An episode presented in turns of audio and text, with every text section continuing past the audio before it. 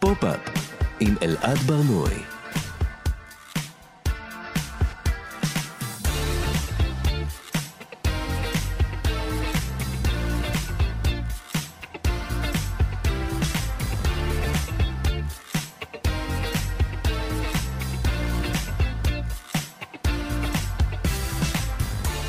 שלום, בוקר טוב, כאן תרבות, אתם על פופ-אפ. בכל שבוע אנחנו מדברים כאן על התרבות שמעניינת באמת. כל יום חמישי בשעה 10, ב-105.3, ב-104.9 FM. ניתן להזין לנו גם כהסכת באתר של כאן, ביישומון של כאן, וביישומוני המוזיקה וההסכתים השונים. איתי באולפן טל ניסטן, שמפיקה את התוכנית, טכנאי השידור דימה קרנצוב, תמיר צוברי על עריכת הגנום התרבותי, אני אלעד ברנוי, בואו נתחיל.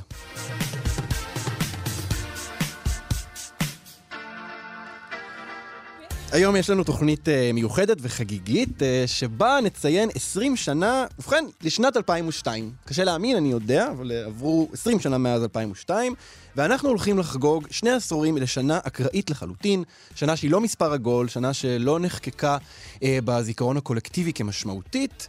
אם נבקש לשלוף מידע, מיד אירוע שקרה ב-2002, אני לא חושב שנצליח, זה די קשה. אבל היום בתוכנית אנחנו נראה איך 2002 הייתה דווקא שנה קריטית בתרבות, בהיסטוריה ובפופ בכלל. שנה של מאבקי תרבות דרמטיים, שנה של צמתים תרבותיים, שנה מכוננת שאפשר להרגיש את ההשפעות שלה עד היום. נבחן אותה מזווית היסטורית וננסה להבין אם 2002 היא בעצם השנה הראשונה של המאה ה-21, ולמה אנחנו מרגישים תחושת רטרו לשנות האלפיים המוקדמות. נדבר גם על המוזיקה שמאפיינת את שנת 2002, ובייחוד על הכניסה של המוזיקה הערבית למוזיקה האמריקאית. נביט גם בטלוויזיה של שנת 2002 וננסה להבין איך תפיסת הזמן שלנו השתנתה ביחס אליה, וגם על המרד הגדול של הפופ, ו- ואברי לוין, ועל עוד הרבה דברים.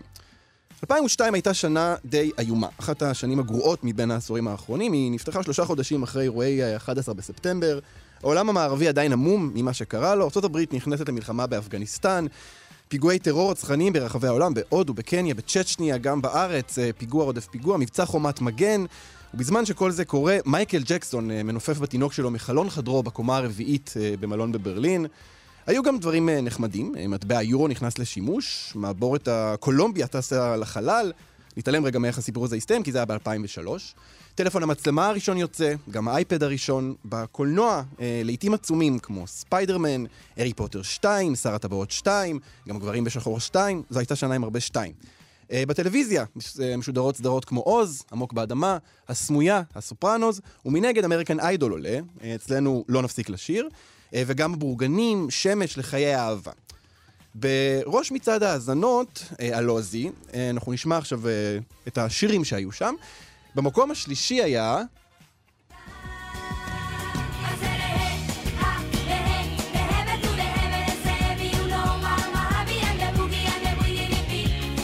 The Ketchup Song של אה, להקת לס קטשופ, מקום השלישי במצעד ההאזנות הלועזי לשנת 2002. איפה להקת אה, לס קטשופ נמצאת היום? אף אחד לא יודע. Uh, במקום השני היה השיר...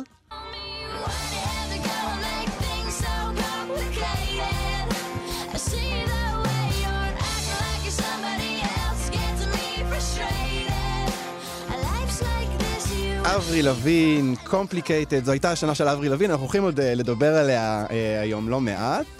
אה, אבל עכשיו אנחנו נאזין למקום הראשון. המקום הראשון של הצמד טאטו הרוסי, All the things she said.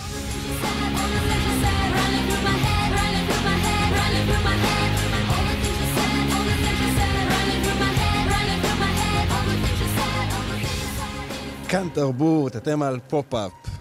מתי מתחילה תקופה? מתי מתחילה מאה למשל? האם היא מתחילה בשנתה הראשונה, ב-1 בינואר, דקה אחרי חצות? האם המאה ה-20 התחילה ב-1 בינואר 1900? אולי היא התחילה כשהקולוניאליזם אה, החל להתפרק? אולי מלחמת העולם הראשונה? אולי כשהיא נגמרה? ומתי התחילה המאה ה-21? האם זה באמת היה עם תחילת שנת 2000 והפחד מבאג 2000?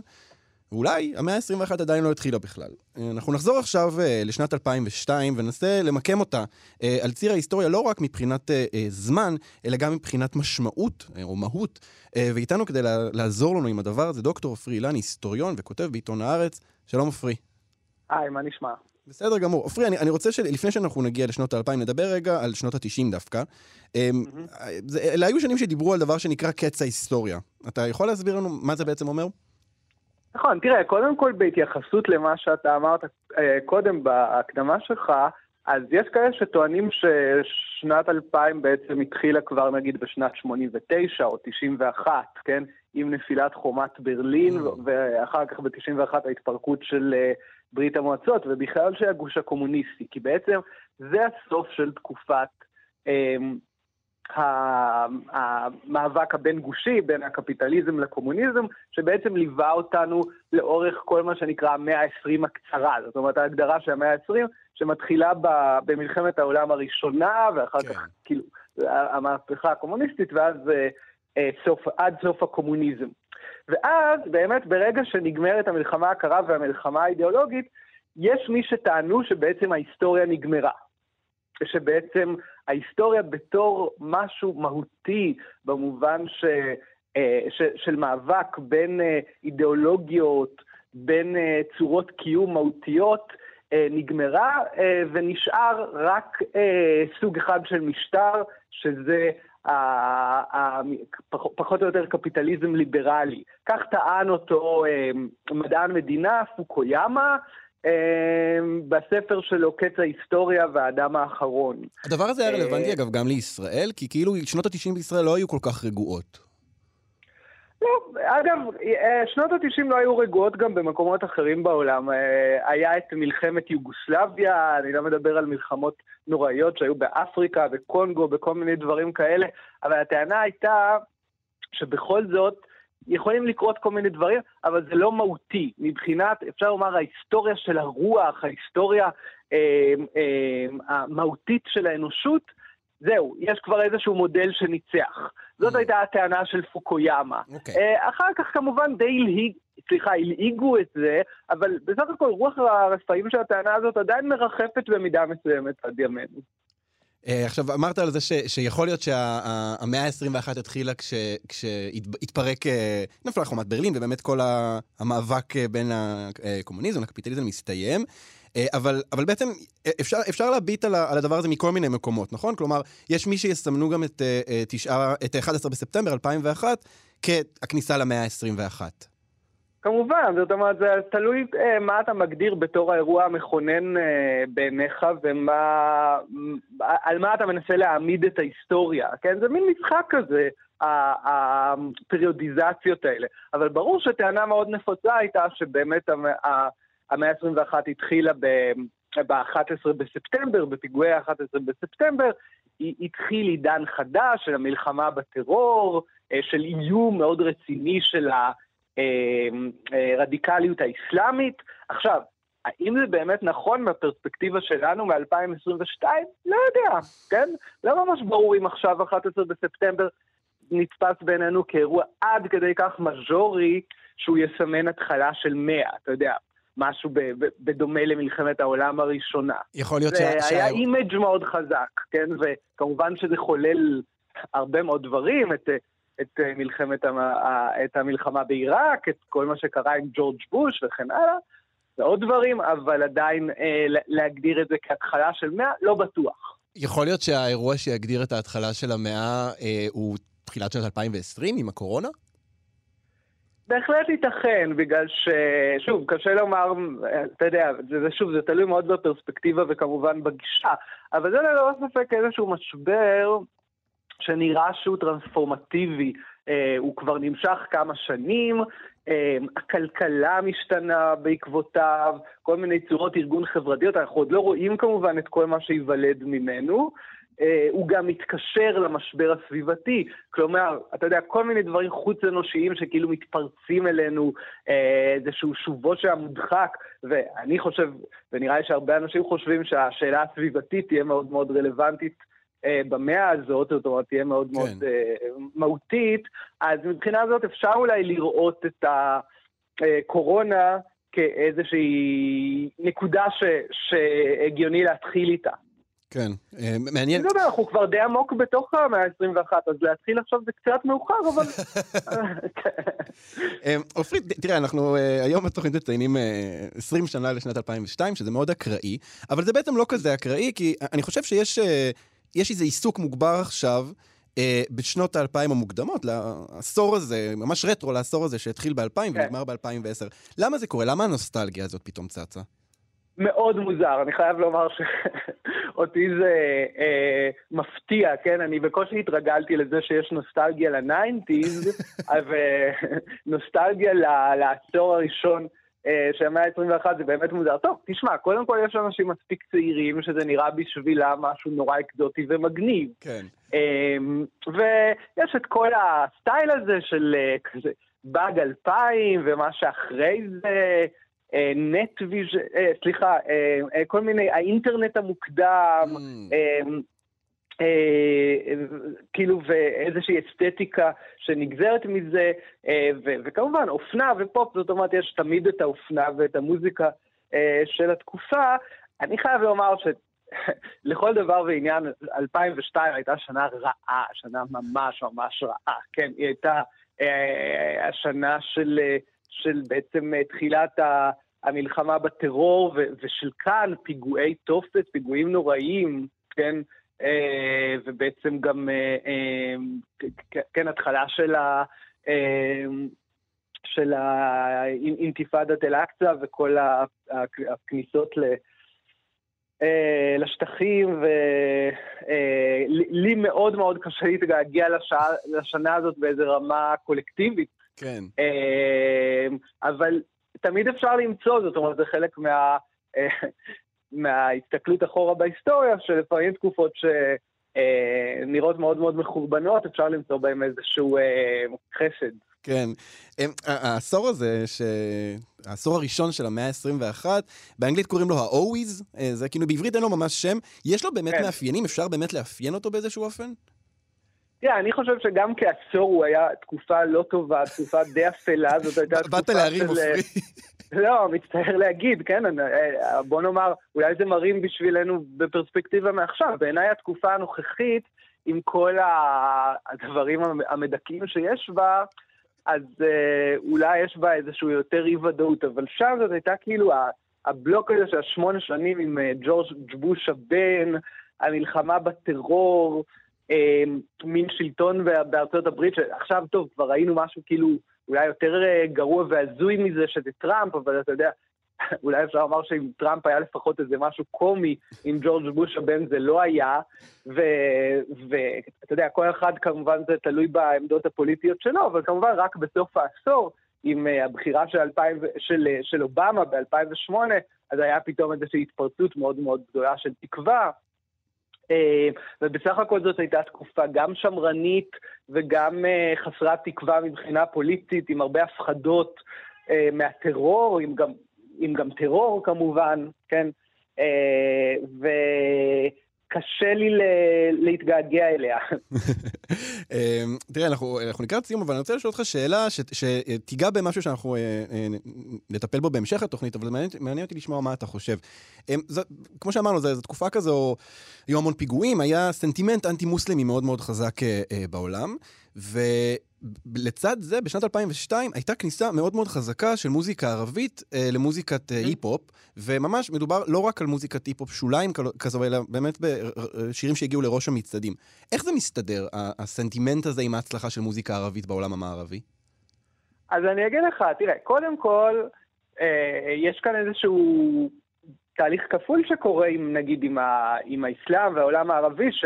מצד אחד הוא נחשב לאיום, מצד שני הנוכחות שלו נעשתה יותר גדולה, דרך uh, מהגרים, uh, שהנוכחות שלהם בחברות, נגיד באירופה ובארצות הברית, באמת גדלה. אז uh, יש את הצד, כן, שדיברו עליו הרבה של הטרור, אבל הייתה גם השפעה תרבותית.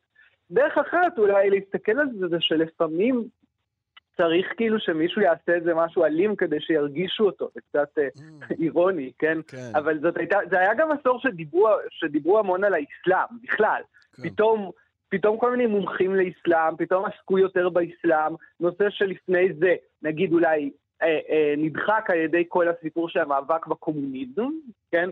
ב, בתקופת המלחמה הקרה, ופתאום שמים לב לאסלאם. אז uh, יכול להיות שיחד עם זה באה גם איזושהי התעניינות מוגברת uh, בתרבות ערבית בכל מיני מובנים. כן, טוב, אנחנו uh, עם המחשבה הזו אנחנו נסיים ואנחנו גם נמשיך לדבר על זה בהמשך התוכנית. עופרי uh, אילני, תודה רבה לך. תודה לך. להתראות. להתראות. הגנום התרבותי. אם נצטרך לבחור את הסאונד שהכי מאפיין את שנת 2002, זה יישמע משהו כזה.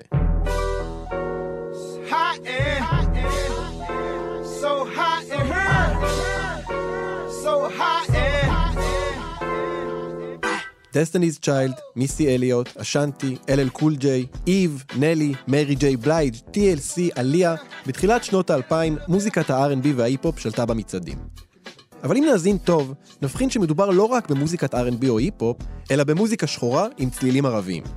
ולא מדובר רק בצלילים שמזכירים את סיפורי אלף לילה ולילה, אלא ממש סימפולים של מוזיקה ערבית.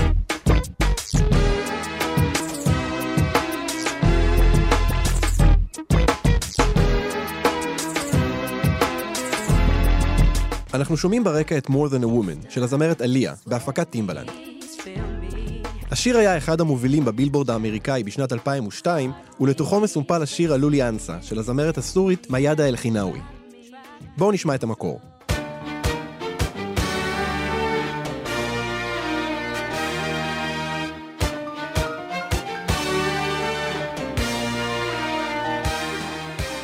עליה לא לבד. מי שפתח את הרדיו האמריקאי בתקופה הזאת, לא יכול היה לברוח מהסאונד הזה. shake shake shake shake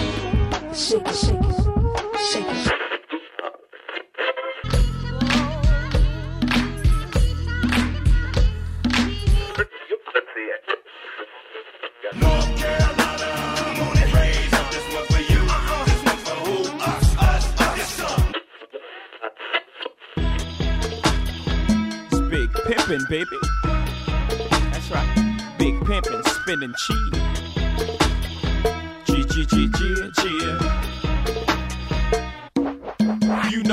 צריך לומר שהסימפולים האלה התחילו לפני שנת 2002. כך למשל, אחד מלהיטי ההיפ-הופ הכי גדולים אי פעם, ביג פימפין של ג'יי זי, שיצא בשנת 1999, מסמפל את גדול הזמר המצרי, עבד אל חאפז, בשיר חוסרה.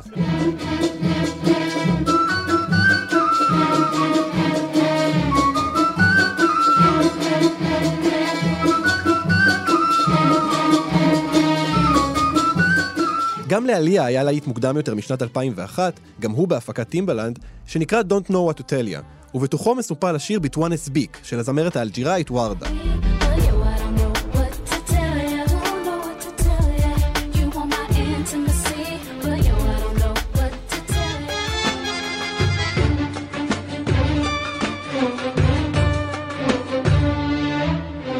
אבל מה שהיה בסוף שנות ה-90 ותחילת שנות ה-2000, מופע אקראי של סימפול ערבי פה ושם, הפך לצליל שמאפיין את שנת 2002, ורק הלך ונעשה נפוץ בשנים שלאחר מכן, ובמידה רבה לא נעלם עד היום מהמוזיקה השחורה. Yeah. Shady.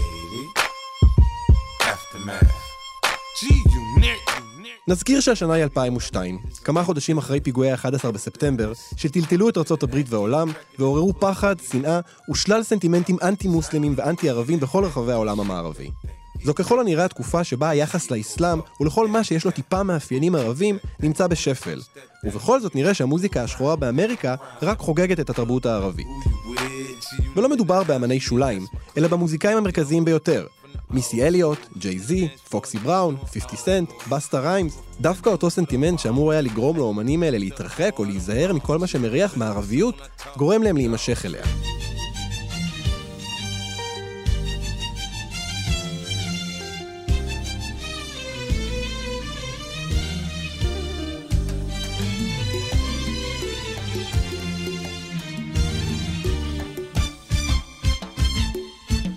אבל החיבור בין מוזיקה ערבית למוזיקה שחורה, ובין האסלאם לקהילה האפרו-אמריקאית, יש היסטוריה ארוכה שמתחילה עוד בימי העבדות. על פי חוקר ההיסטוריה של העבדות רוברט סטוק, כ-30% מהעבדים שנחטפו ממרכז או מערב אפריקה לארצות הברית במאות ה-17 עד ה-19 היו מוסלמים. כמעט כולם אולצו להמיר את דתם לנצרות על ידי המשעבדים שלהם. רובם המכריע לא ידעו קרוא וכתוב, ולא הייתה להם שום מסורת דתית בכתב. אחד המקרים יוצאי הדופן הוא של עומר אבן סעיד, מלומד מוסלמי מסנגל, שנחטף בתחילת המאה ה-19 לדרום קרוליינה, שם הוא הפך לעבד והומר לנצרות, אבל שמר על אורח חיים מוסלמי, ואף הותיר אחריו כתבים דתיים בערבית.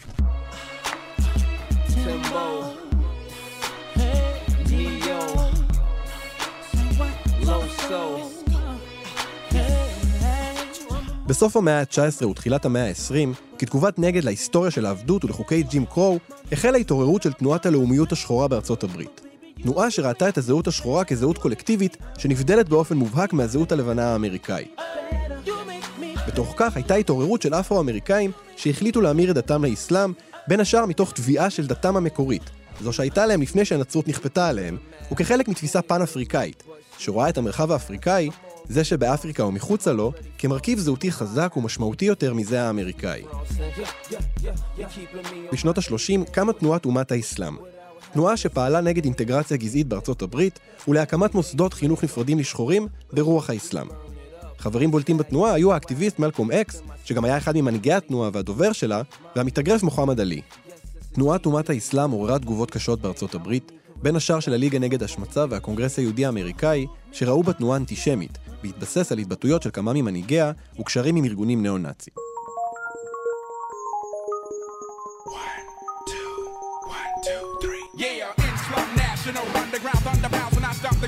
נחזור לשנת 2002.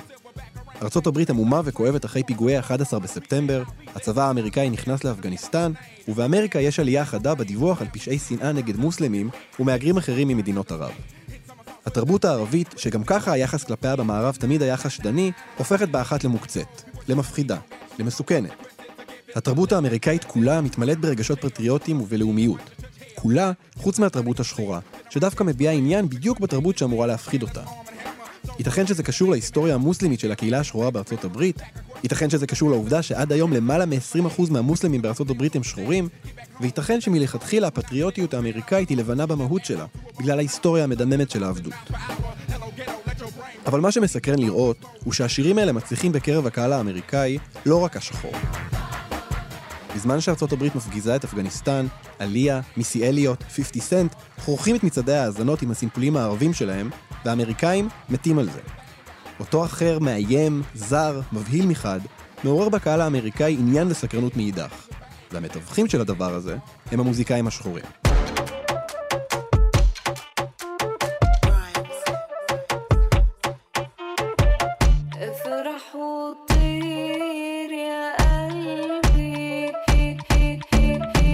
שני עשורים חלפו מאז, אבל הרגע הזה יכול ללמד אותנו הרבה על התרבות שלנו היום.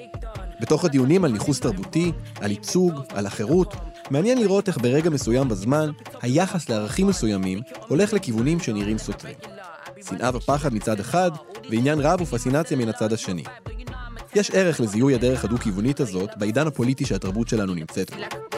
כשאנחנו עומדים מול יצירה ומנסים לפרש אותה, לנסות להבין מה היא אומרת, מה העמדה שלה, אם היא בעד או נגד משהו, ואיפה היא עומדת ביחס לעמדות שלנו, הרגע הזה מ-2002 מזכיר לנו שרגש תרבותי הוא אף פעם לא אחד, אף פעם לא חד משמעי.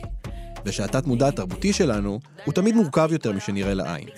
ויותר מכל, שיצירה, יצירה טובה, היא הסיסמוגרף האמיתי והמדויק ביותר לתת מודע הזה, גם 20 שנה מאוחר יותר.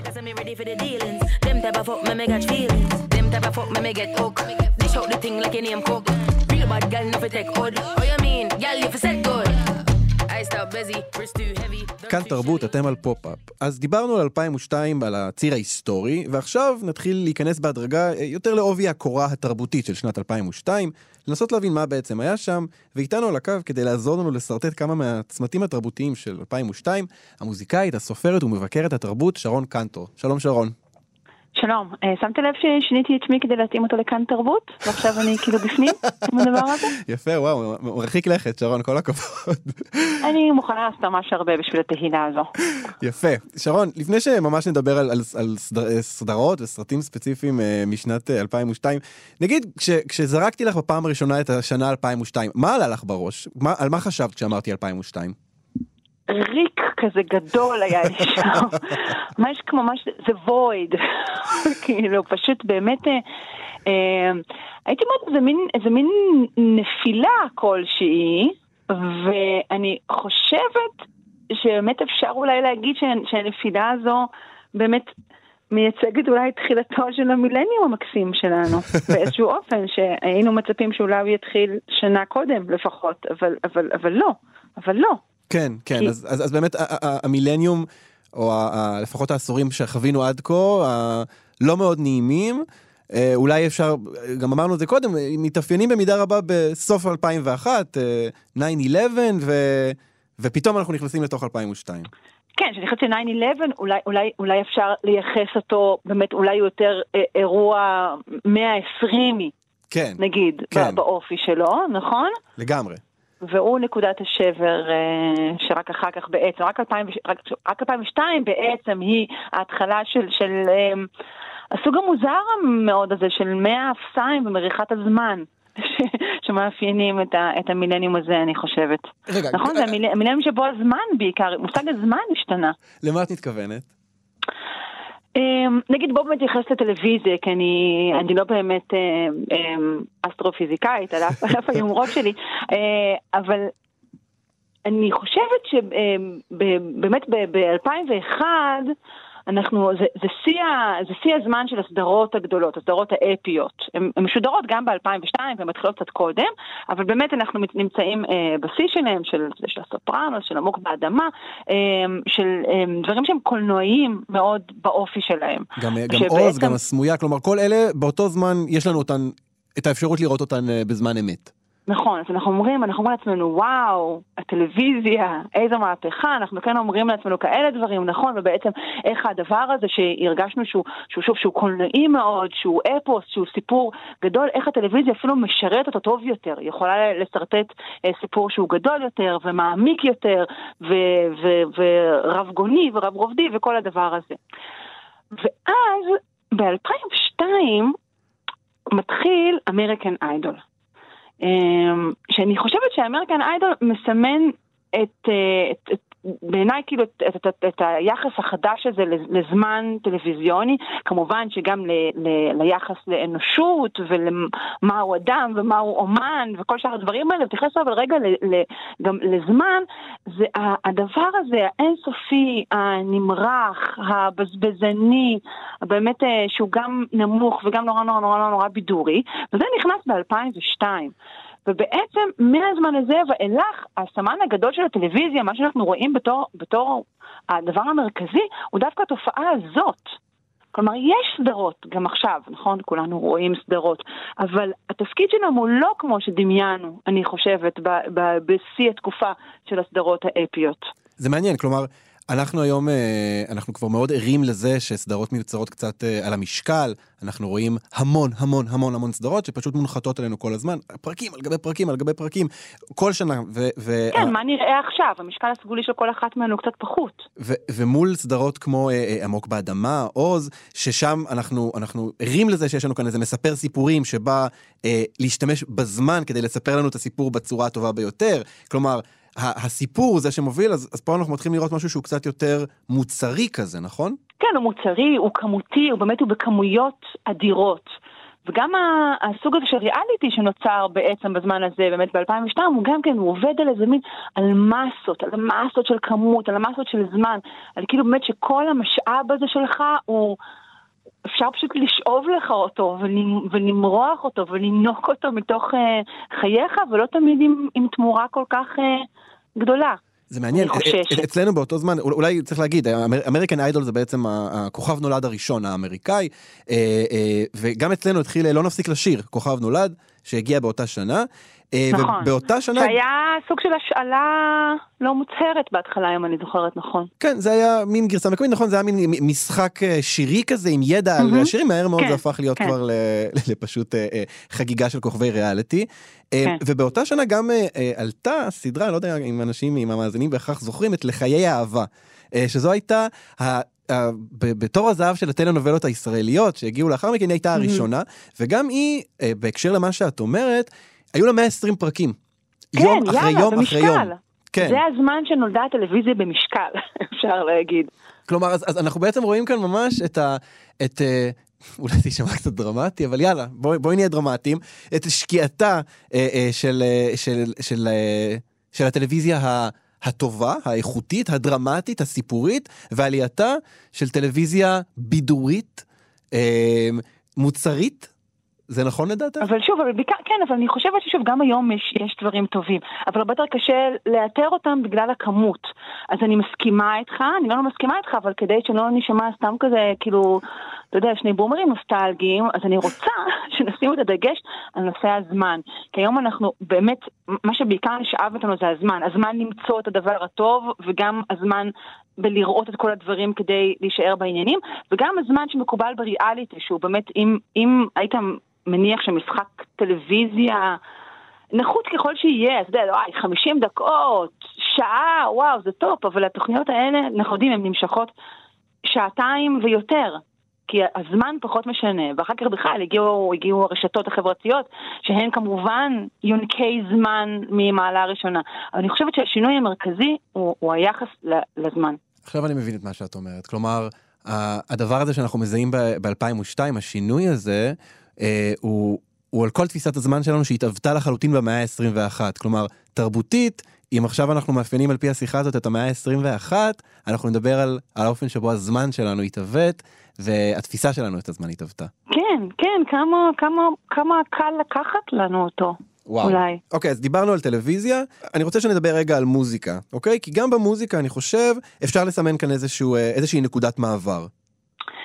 אני, נדמה לי, שוב אם אני לא טועה, שגם כן הרוקנרול ריבייבל, תחיית הרוקנרול האחרונה, אה, הייתה בעצם ב... אז, בתקופה הזאת, הייתה ב-2001.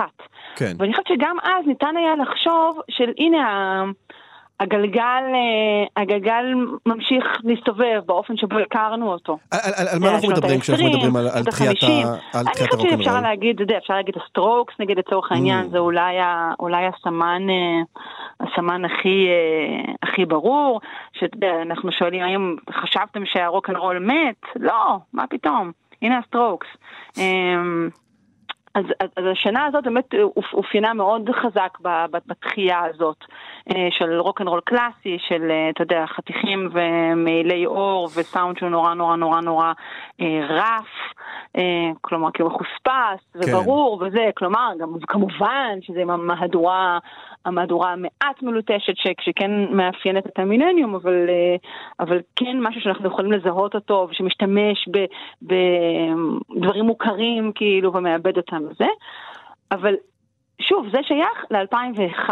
וב-2002 כבר אתה מזהה דעיכה של זה, זה לא, זה לא דבר ש, שהמשיך איתנו בכזו הצלחה בהמשך. כלומר, נפרדנו, נפרדנו מזה יחד עם המאה ה-20, אפילו שזה היה ב-2001, היה לנו כן, איזושהי זה מחשבה... בעצם אול- דבר שאני, בדיוק, זה דבר שאני חושבת ששווה לשייך אותו בעצם עוד לגלגל של המאה ה-20. זה מעניין מאוד, כלומר, אם, אם אה, אני בטוח ש, שבשנת 2001 ישבו אה, כתבי תרבות ושדרני רדיו ואמרו, הנה, 2000, המילניום החדש מתאפיין בתחיית הרוק, יהיה לנו אה, מילניום של רוק, ו, וככה הדבר הזה היה נראה. כן, כן, ככה אמרו, הם אמרו ב-2001, הם אמרו, וואו, הרוקנרול ניצל, כל מה שאמרתם על שרק המועדונים יהיו, וקיץ אהבה של 99, וכל זה, לא, שימו לב, רוקנרול הרים את ראשו, אבל, אבל זה צנח אחר כך שוב, זה היה נכון ל-2001. ואז אה, בשנת 2002 בעצם הבנו שהרוקנרול אכן מת, ואגב, אה, אפשר לקשר את זה גם... לא, לא, הרוקנרול באמת אף פעם לא ימות, אל תשכח. אוקיי, אבל אפר גם לקשר את זה במידה מסוימת, אני חושב, ל... אה, או שאמריקן איידול... היא- לעלייה באמת של, תוכניות ריאליטי למיניהן, של הלעיסה הגדולה. כן. כן, כלומר פתאום אנחנו, מקבלים אה, לתוך הגרון הרבה הרבה הרבה יותר מוצרי פופ, ובאמת, אני חושב שאפשר להגיד שרוקנרול פשוט נדחק, נדחק אחורה. שחלקם גם עושים כמובן שימוש, שוב, ב, אתה יודע, ב, בכל מיני אה, דברים שקשורים לרוקנרול, ו- כן. וזה. כן, אנחנו, אנחנו גם זה- בהמשך התוכנית אנחנו נדבר על, על דמויות כמו, כמו פינק, אה, אבריל כן. לאבין, שהן כאילו היו רוקריות, אבל, אבל זה, ה, זה הדבר הנורא והנפלא בפופ, שהוא אה, מסוגל לשאוב לתוכו הכל. כן, כן, הפ- הפוסט- הפוסט מודרנה במהיראה. כן, בהחלט. אז אנחנו באמת רואים איך אה, שנת 2002, גם אם אנחנו לא ממש אה, זוכרים אותה או שום דבר ממנה, אה, בכל זאת יש כאן איזה באמת צומת תרבותי משמעותי שמסתעף מהרבה כיוונים. שרון קנטור, תודה רבה לך. תודה רבה לך, ביי.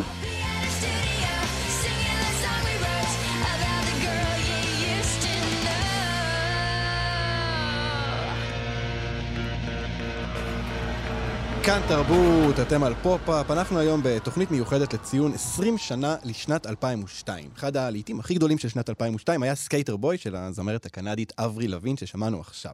2002, ה-90's נגמרו באופן רשמי, כמה מהלהיטים הגדולים של בריטני ספירס כבר מאחורינו. ה-R&B כאמור נכנס לתודעה, אבל איפה בעצם נמצא הפופ? ומה הכניסה של אברי לוין אה, מלמדת אותנו על הפופ?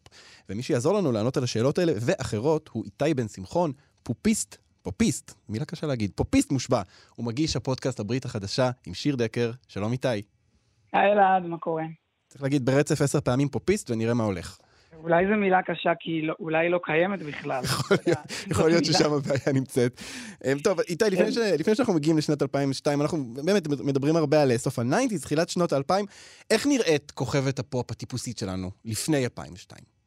וואו, אז קודם כל, אני אתחיל אולי ב- בשאלה הראשונה שהתחלת איתה, את התוכנית, מתי המילניום הזה התחיל, כי היא קשורה בעיניי בקליפ של Waiting for Tonight של ג'ניפר לופז, יש ספירה לאחור לשנת 2000, וברגע שהשעון סיים את הספירה לאחור, מבחינתי העשור, הזה- המאה הזאת התחילה. הבנתי, אוקיי.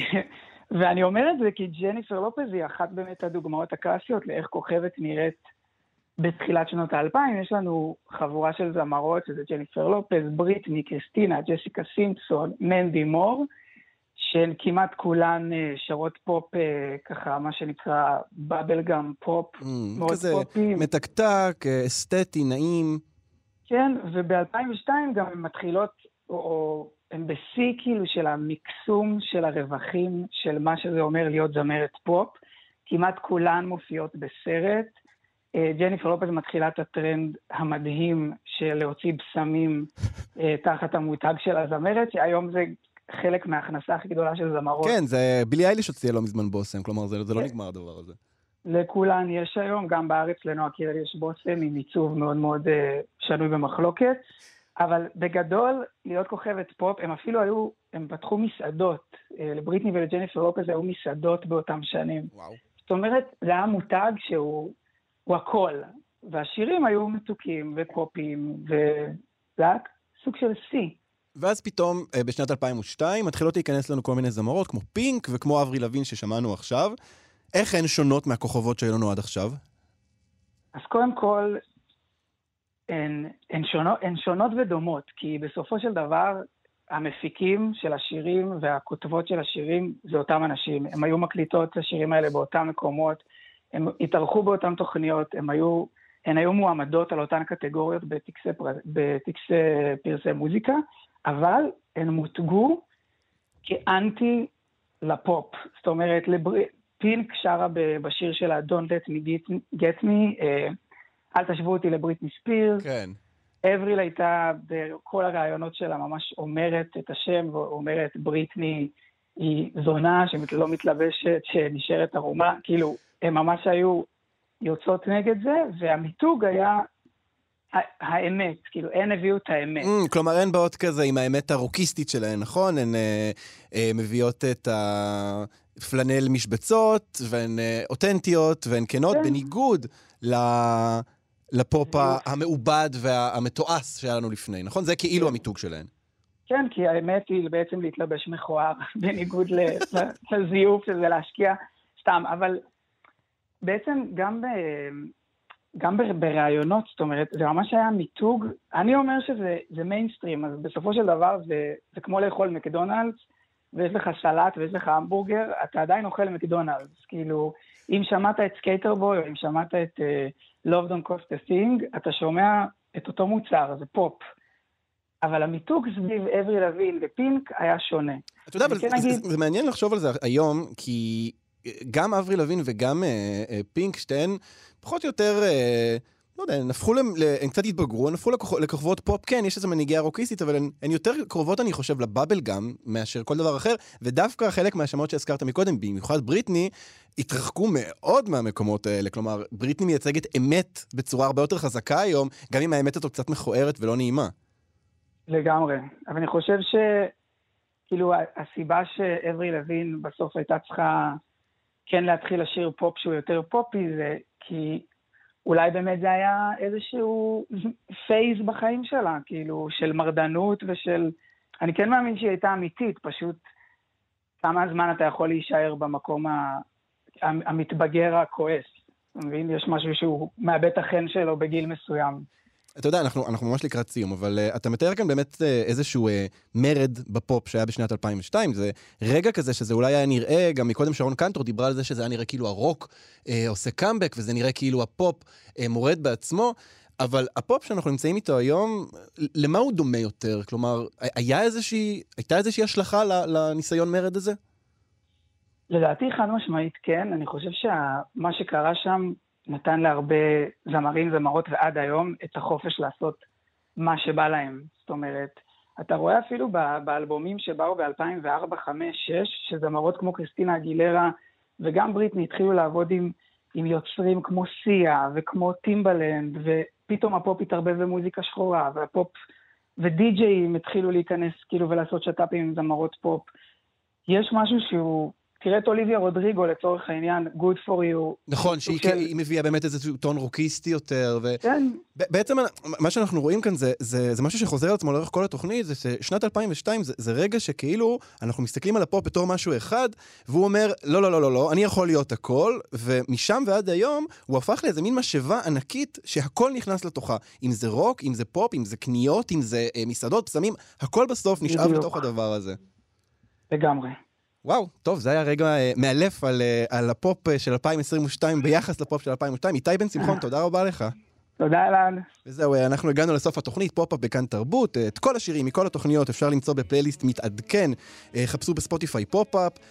תודה לטל ניסן על ההפקה, תודה לטכנאי השידור דימה קרנצוב, תודה לתמיר צוברי על עריכת הגנום התרבותי. אני אלעד ברנוי, אנחנו מסיימים עם אחד הלהיטים הכי גדולים של 2002, שקירה, Whenever, Wherever. להתראות.